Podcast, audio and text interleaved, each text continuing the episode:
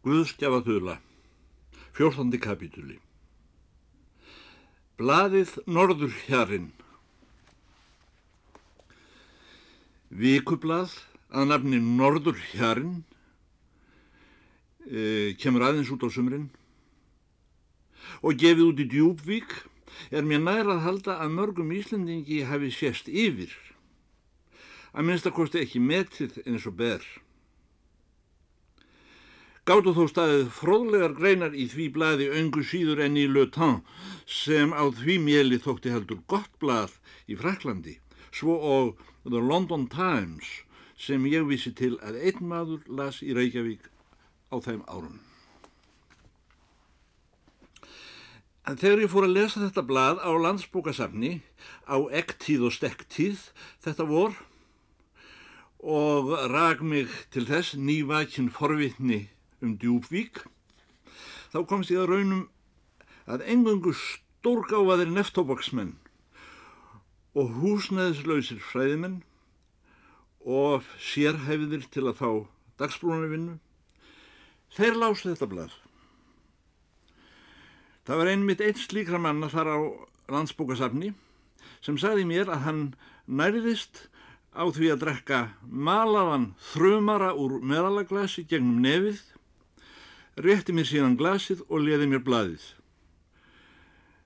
Eh, því miður reyndist það sem í glasinu var þó vera tópak, neftópak. Norður hérinn var ekki stórt blað, aðeins fjóra síður í fóljó og svo illa prentað að átt var að geta sér til um heilar og hálfa línur Meira segja þó maður hefði stækkunagler. Prentið var bæði klest og kámað. Hefur eftir tilvill verið prentað með skósvertu.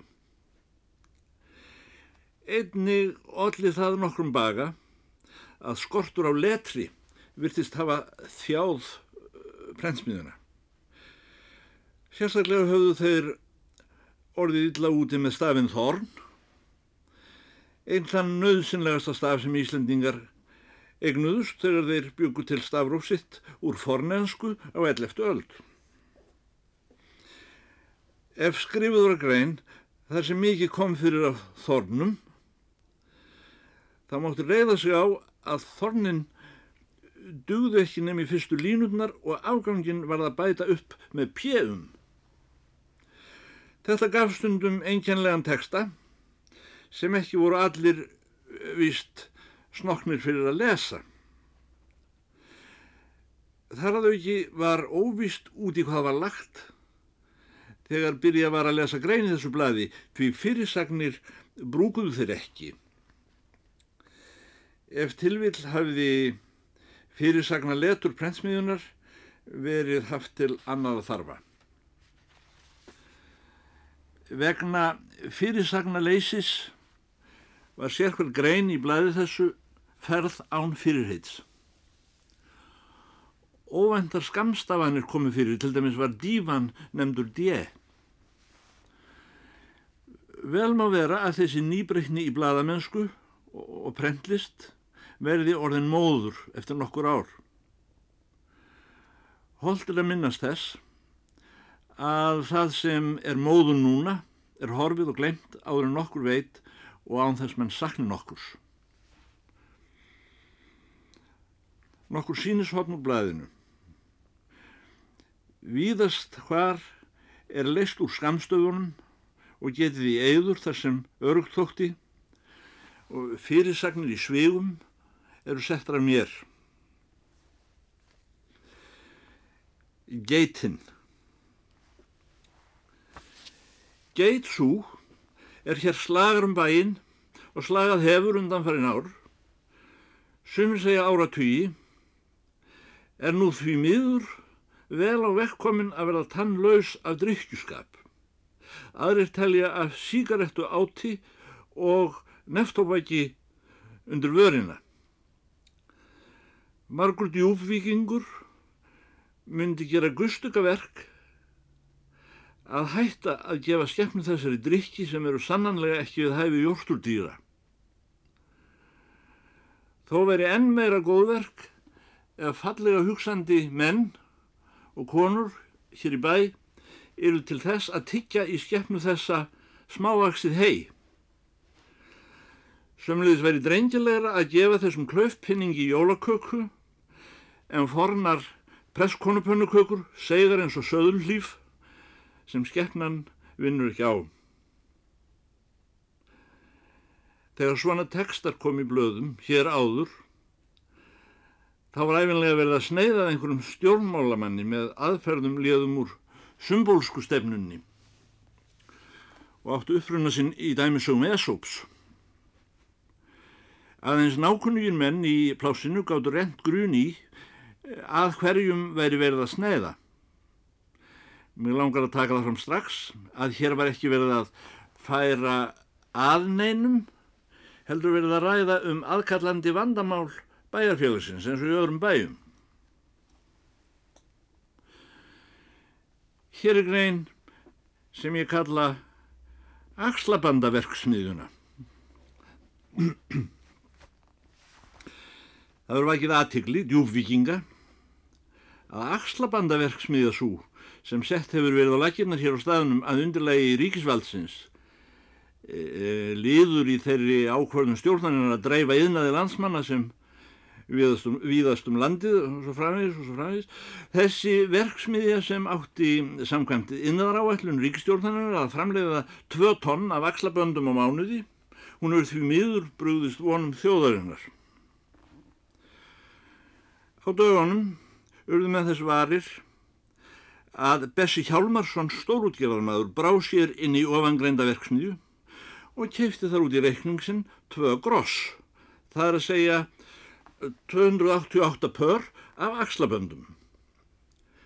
Að því endur hverju sætti að hann kefti slíkar byrðir af þessari vöru svaraði hann að hámark endingar íslenskra axlabanda væri tveir klukktímar en lámark tvær mínútur.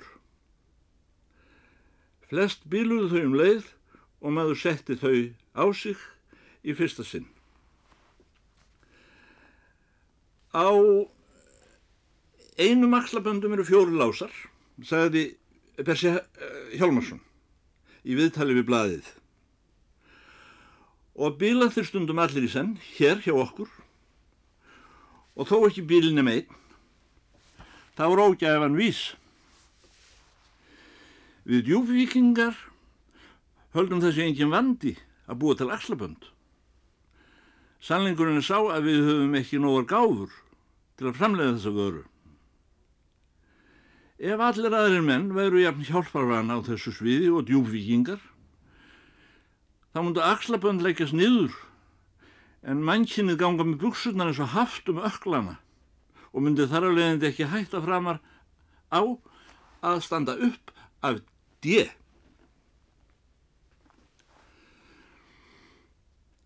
Hér kemur svo ljóðrængrein sem ég kalla Sítrónur Hafsins. Nú hefur ríkistjórnin bannað innflutning og sölu hér á landi án uh, ráðuneytsleifis á ávöxtum nema þurkuðum og pressuðum döðlum úr Nýgaríu sem skreiðarfélaginu er leift að hafa um hönd en það félag uh, skilur lífið. Menn sem þjást af langvanandi næringarskorti og magaveiki geta þó ekki án samþykis Hilbriðisráðherra fengi leifi til að borða eina sítrónu á viku út á resept frá lækni sem þeim berða afhenda gegn kvittun frá ávaksta skrifstofu ríkisins en geta sítrónuna í votta viðurvist. Refabúum landsins en engum þó hennu nýja þjóðdýri Íslendinga mingnum er ætlað það hlutverk að leysa gjaldeirisvandræði landsins. Fyrir bræðið hafa þessi einkennilegu kvíkindi forgangsrétt að skipta með sér öllum suðrænum aldinum á Íslandi samkvæmt kvóta eftir græki kvikindana og fátækt búana. Fátæku búin fá mest.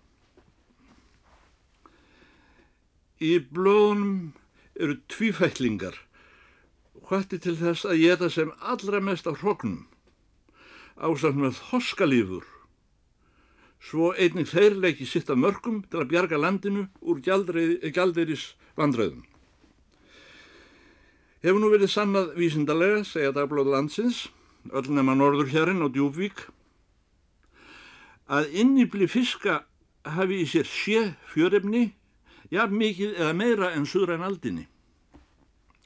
Íslenskir vísindamenn hafa nú að ríkistjórnini sem Guðföður skýrt gotuna upp og skal hún heita Sítrónur Hafsins. Blæðin Norður hérinn indi hérðslækni djúbvíkur eftir því hvort rétt myndi haft eftir vísindamönnum. Að sítrónur hafsins væru álíka hotlar eða hotlari en sítrónur sem vaks á trján í því landi þar guðaldinni grær og gulleplið í dökku löfi hlær. Læknir hvaðst ekki hafa tölur nýjanur gögn í höndum til að afsanna þetta verða afskiptir og ómælandi tvífætlingar á Íslandi að taka við þeim sannleik sem á sér fengin af yfirvöldunum í þessu máli. Hins vegar hvaðast héradsleiknir af öðrum ástæðum eh, vera því heldur meðmæltur að nonmingum, það er að segja þeim dýrum sem eh, ekki voru mingar eða ekki eru mingar, af eh, því tægi sem nefndir eru Íslendingar verði heimilað að borða sítrónur úr því landi sem nefndir í hvaðið Götes en lofa reppa og hans bræðurum að sínleiti að gæða sér á sítrónum hafsins. Ný grein um uh, yðnað kallaði hana gestir úr flýsalagningalandi. Í rítum heimsbyggingsins Þorbergs Þorðarssonar verður lesið að síldarplanið sem að svo nefnir sé lægsta helvíti fyrirfinnanlegt svo innan sem utan sköpunarverksins. Og svo langt fyrir neðan okkar góða gamla helvíti úr kristendómnum að með þessum tveim helvítum geti aldrei vorið samstafa um eigi líð og allra síst í síldartíðinni.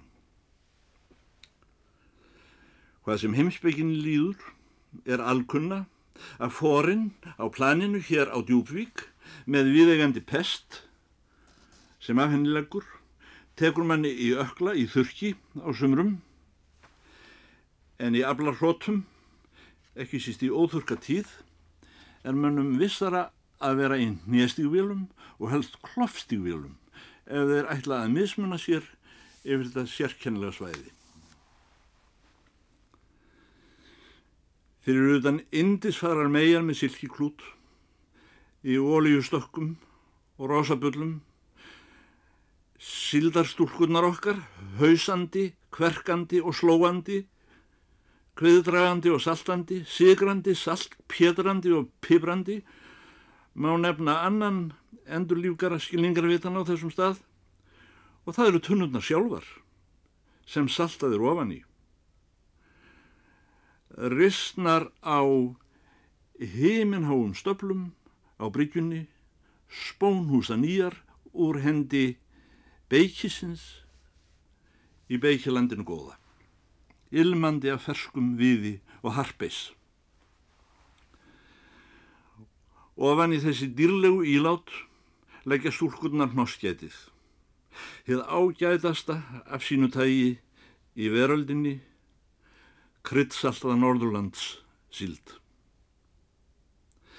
en Adam var ekki lengi í paradís. Þegar búið að salta tunnurnar fullar af þessu lostæti og slá þær til, er þeim veld að skipslið upp úr húlu svaðinu á þessu plani sem heimsbyggingar telja til endema meiri en menn viti, ekki aðeins á norður hveli jarðar, heldur í öllum heiminum. Í nokkur sömur voru þessi ilmgóðu ílát höfð undir þá amrísku Matjessild sem sent hefur verið á markað í vesturheimi til mannfagnaðar hjá sælkjörum í þvísa landi. Af þessari verslun með Silfur Hafsins við Ameríku var látið skína í meiri auðurlegð handa okkar mönnum en af nokkur í útflutningsvöru annarri sem umgetur í verslunarsögu landsins síðan seldur voru hvítir haukar. Fyrstu sumrin meðan þessi Ameríkusala var á tilraunastígi. Virtist ríkja jöfn ánægja meðal seljenda og kaupenda.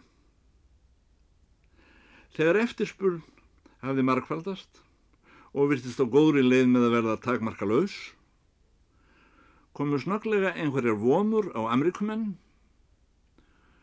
höfðu kannski heyrt ískíkilegar sögursagnir og nú í sumar sendu amrískir síldarkaupendur hinga trúnaðarmenn sína að forvittnast um meðferð vörunar í framleiðslu. Þremur amríkumannum skaut upp á djúbvík. Var einn þeirra umbóðsmaður síldarkaupenda, vestra, en hinn er tver voru annar matvælafræðingur, hinn efnafræðingur. Síldarútgerðin held mönnum þessum veyslu á hótel Djúbvík komu daginn. Að morgunni voru menninir tímanlega á fótum og fóru niður á planið þar sem stúlkurnar voru að salta.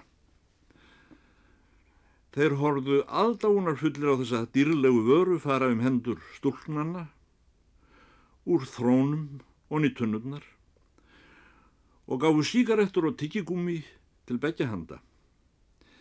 Geitinn var og þar kominn og fekk sitt. Eftir nokkra daga höfðu kanadnir satt forvitni sína og kvötu útgerðarmenn og saltara á sem fund.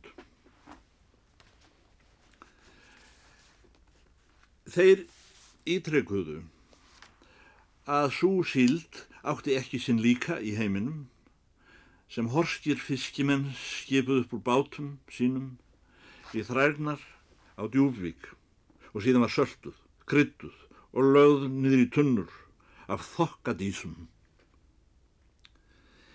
Hitt þótti þeim undarlega viðbregða að þegar tunnurnar höfðu vilja slegnar til, voru það leðar á hliðina og veld upp úr djúpu svaði.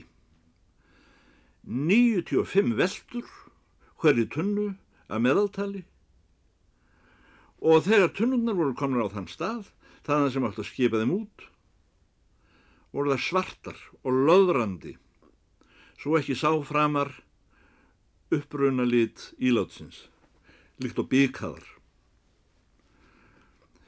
Menninir sögðust hafa efnagrænt for þá sem síldartunnunum hafi verið veld upp úr 95 sinnum. Rannsóknin gaf þá nýðurstöðu að í leðjunni væru bæði eitur efnimarkskonar og bakteríugróður, auk annara efna sem öngvar skeppnur leggja sér til munns og auðveldlega náðu að smita gegnum samskeitin á tunnunum og jafnvel viðin sjálfan sem er óþjættur og dregur vatn. Þeir afhendu útgefarmönnum lista yfir tegundir og magna eiturs svo og gerla fjölda per kubíksentimetra í sörþeim sem þessum matvælum var veld upp úr á djúfvíkur plani áður en þær voru sendar Ameríkumönnum til neyslu. Af þryfnaðar og heilbriðis ástæðum sáu þessi menn sig tilneita að leggja bann við innflutningi þessar vöru til Ameríku uns farið væri eftir hreinlætiskröfum sem gerðar væru um verkun matvæla í Neslulandinu. Meðalefna sem hinnu mikla hnoskjæti var veld upp úr voru rótnaðan leifar af inniblum fiska, grútur, saltpækil, saltpjötur, verksmiðjusót, smurolía, bensín, kólasalli, aska, fókmold, sandur, sjóvatn, hland og kólibakteríur, fleiri en hófigegnir, úr lekum, kömrum á bryggjónum. Hinn er erlendu gestir bættu því við, skýrslu sína, að í þeirra landi færi sambærileg matvæla framleiðsla fram á verkbólum þar sem sérhver flötur er varan snertir er sótthreinsaður. Aug þess lagður flögum úr brendum leir smeltum og haldið hreinum dag og nótt með sírennandi þvottavatni. Hér kemur loks grein sem heitir Í upphafi var apotekið og er nafni gefið af undirrituðum. Nú, þegar stórhugur hefur vaknað með þjóðinni og við höfum komið ás upp glerverksmiðju inn með sjó og reysiðar andabú við Giljóruvallavatn upp í heiði, hortvekja í skjóli síldarinnar, að óglemdum hinnum ángandi minkabúum vorum og lifa þar dýrari skeppnur að krónutali en annar staðar á Íslandi í svegum að eigendum þeirra ekki undanskildum? Já, þá má nú segja að mannlíf hér á landi sé heldur en ekki ferða að ríða í loftinu. En þá var líka mál til komið að fara að þakka Guði fyrir lágustæðina sem leynast fyrir heimspressunni. Þá staði sem ná aldrei loftköstum, falla ekki heldur auðveldlega um sjálfa sig. Í þá veru vil ég leifa mér að nefna apotekið. Aldrei hefur nokkur manni dóttir í hug að belgja sig upp vegna apoteksins okkar. En í upphafi var apotekið. Það var apotekið sem ægslaði af sér góða bíó í stofum apotekarans og að hænsna búið eróika á svefnloftinu. Gamla aðalgatan okkar frá einokunar tímunum og var þá hestatróðningur. Hún stemdi neðan frá sjó þar sem verslunarhúsin stóðu og bent á fjallið. Í því fjalli bjó áður tröllið þórir höstmyrkur. Í miðri þessari götu stendur ílangt hús Á aðalhæðinni, millir kjallara og lofts, þar hafa verið tvöfaldir hlerar fyrir glukkum í mörg ár. Þar er góða bíó. Loftið eða ríshæðin var aldrei nema yfir hálfu húsinu en afgangurinn var svalir með útskornu treverki í kring. Núna búa hænsnin í fyrrum svefnherbergi apotekarahjónanna og fara út að ganga á svölunum þegar vel viðrar. Ef þú færð kveisu, þá skaltu fara hann í kjallara í þessu húsi, einar fimm tröppu niður og gíst þar upp apotekaralikt og er eina hámenningaliktin á djúbvík. Þar hittir þú fyrir þér öldung með hvitt skegg sem er nákvæmlega eins og öldungar hafa einlegt látið sér vaksa síðan drottin með hvitt skegg skapaði hímin og jörð. Það er apotekarinn og þetta er apotekið hans. Hann er sagður að hafa borist hingað úr söður Jólandi. Því miður er konan hans löngu dáin. Hér er sá einn maður sem kann latínu á djúbvík og meira að skilu latínuna á reseptum leknisins betur en lekninin sjálfur en aldrei hefur þessi fáskipni öldungur heilt gorta af lærdómi. Aftur á móti er hann æfinlega reyðubúin að hefja kumpanlegar umræður um aflabröð og veður fara á síldarmiðunum. Meðan hann er að rína í resepti sem þú fengið honum, segir hann við þig yfir diskinn. Ég heyrði hún að þið vilji tregi nótt, en þó lifnaði eitthvað yfir henni hjá þeim í morgun, norður á djúpvíkur hodni. Síðan leðréttir hann í reseptinu þau orð sem er misrituð hjá lækninum og lagar handa þér þá mikstúru sem af henni er hilsu þinni eins vel borgið og hilsu döðlegs manns getur orðið hér á jörðu. Þegar því leiðist, af því ekki síld, og veist ekki hvað þú átt að taka til bræðs og kannski ert orðin feiknarlega drukkin klukkan 12 á hádegi, ellegar þú ert stúlka. Hvað gerur þú þá? Þú sérð að það hefur einhvern tíma verið broti gat á gablin á apotekinu og settar þar dýr með hurð og smíðaður tréstígi að komast inn. Öðrum megin við dittnar er stóriblis plaggat með mynd af berlarraðri stúlku í fulli stærð fyrir fram að ríðandi mann með grímu og er að skjóta á hana með rifli. Í umgerð plaggatsins standa þessi orð efst með gullnu letri Góða bíó. Það er þarna sem þú skalt fara inn.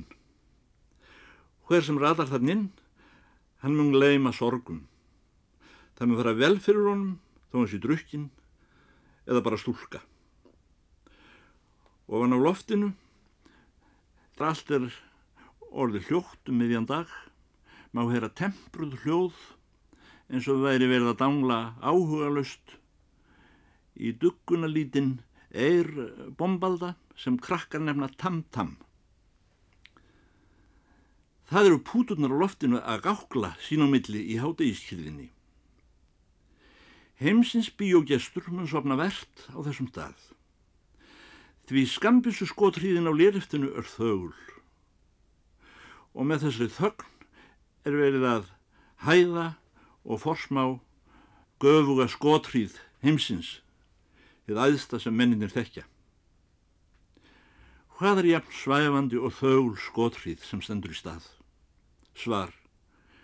Berlaguruð stúlka sem líka stendur í stað uns stefið úr eróika upphefst með básúnu styrk, skjert og stranglegt á loftinu gagalagú þú vaknar. 15. kapitúli D. Ekki þurfti ég að kvarta undan að kóða djúpavík.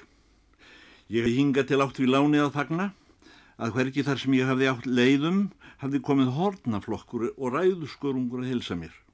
Og svo var enn. Svo er móttökusveit sem kom að gá að mér samanstóð af geit þeirri sem hefur verið skrifað um í blöðin. Þessi geit var fljóta að sjá að ég myndi réttur maður eða að minnst að kosti fann hún öngvan annan réttari í þessum farþega hóp.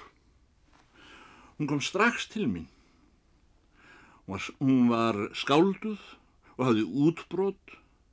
Það vant á hann annað hornið hún var vampmikil eins og börn í Afríku. Samt þekkti ég hana af lýsingu sem ég hafði séð um hann á prenti og get ekki sagt að ég hafi orðið fyrir vonbriðum. Ég var sannast að segja þetta aldrei hróður af því að þessi geit skildi ekki taka feil á mér og neinum öðrum. Því miður hafði ég horki í nefið nýja undir vörina handaðinni. Nýja annað sem sagt var í blöðunum að þessum lukkupinningi staðarins líkaði að hafa. Aftur á móti átti ég eina komandurssíkarettu og átún hana með lefturhraða og vildi aðra. Hún fylgdi mér síðan inn í bæin og nubbaði mig í nesbætunar þessu eina horni sem eftir var. Ég var að hugsa um það á leið til hótelsins hver hamingjum aður ég var í raun og veru að ekki annar aðili gaf sig fram við mig. Í hóteldirónum mætti ég manni á útleið. Hann var með dívan í fanginu. Ég held hurðin á gátt til að auðvelda þessa flutninga. Það var ekki fyrir að var komin út á tröppur að við fórum að gefa hóraður um göm. Kom þá upp úr kafinu að við þekktumst.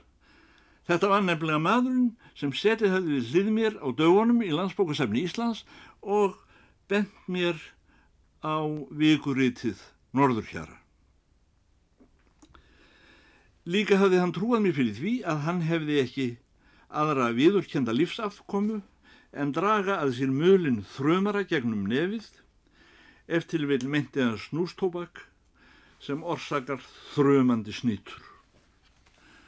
Nú komst ég að því að þetta var fyrir rennari minn í rittstjóra ennbættinu og var að fara úr vistinni burt af djúbvík á sama skipi og hafði komið með mig.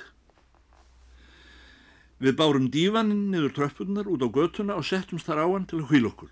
Ég spurði, hvað er þið að gera við þennan dívan? Hann svaraði, ef ég gisti einhver staðar, kann ég betur við að stela D-inu þegar ég fer. Reitstjóri nr. 2 segir, er það satt að þér séuð anarkokommunisti? Og með leifi, hvað er það? Reitstjóri nr. 1 svarar, Við tökum að sumuleiti dýpra í árinni en anarkistar. Anarkistar hafa haldið því fram að eign séu þjófnaður og þetta er endar auðvelt að sanna. Hjá dýrónum sem flest eru fullkomnar í verur en menninir að þessu er þessu að minnstakosti svo farið en ef einhver á meira en til næsta máls geta hinn dýrin frá honum. Ef nú eign er þjófnaður og allir sem eiga eitthvað eru þjófar, þá er þjófnaður þar með skilgreindur sem almenn regla í mannlegum samskiptum. Ergo er gagslaust að refsa þjófum. Það myndi þýða að þjóðin eins og hún leggur sig í því flutt í tukthúsið. Þess vegna legg ég til að allur þjófnaður, hverju nafni sem nefnist, sé gerður ósagnæmur. Ég reyndi aldrei að sannprófa orð þessa manns um eittni neitt. Það má vel vera að hann hafi stólið öllu steini léttara, þó lefi ég mér að efast um það. Hann hafi vondklæði en þetta var hrífandi maður þó hann verið grágugginn af meldingaleysi og grómtekin af nettóbæki. Sá sem er nógu lærður í margs kann sjálfsagt rétt fræði orð um svona mann. Voði af anarkomunistum er í marxisma lagður nokkur negin að jöfnu við þann sem stendur af hræðilegustu arðræningum heimsins. Strandferðarskipið bliðasti brottfarar. Við stóðum upp að D. Ég hjálpaði til að lifta D á bakmanninum svo hann þyrst ekki að bera hann í fanginu. Annan farangur hafði hann ekki. Hann kvatti mig með dívaninn á bakinu. Ég býð yfir velkominn til djúbvíkur og þakkiður fyrir góða viðkynningu og skuður hamingu í starfi og guð blessiður voru hverju orð hans. Það getur vel verið að þessi maður hafi verið anark og kommunisti, segja það enn en mætti ég aðeins bæta einu við um þennan mann. Hann var skáld og áræðanlega meira skáld en ég þar sem hann gekk reikandi í spori utar eftir götunni á leið til skips og bar sinn D á bakinu. Það kæmi mér ekki á óvart þó svo reyndist að þetta hafi verið frelsari himsins í duðlarsklæðum.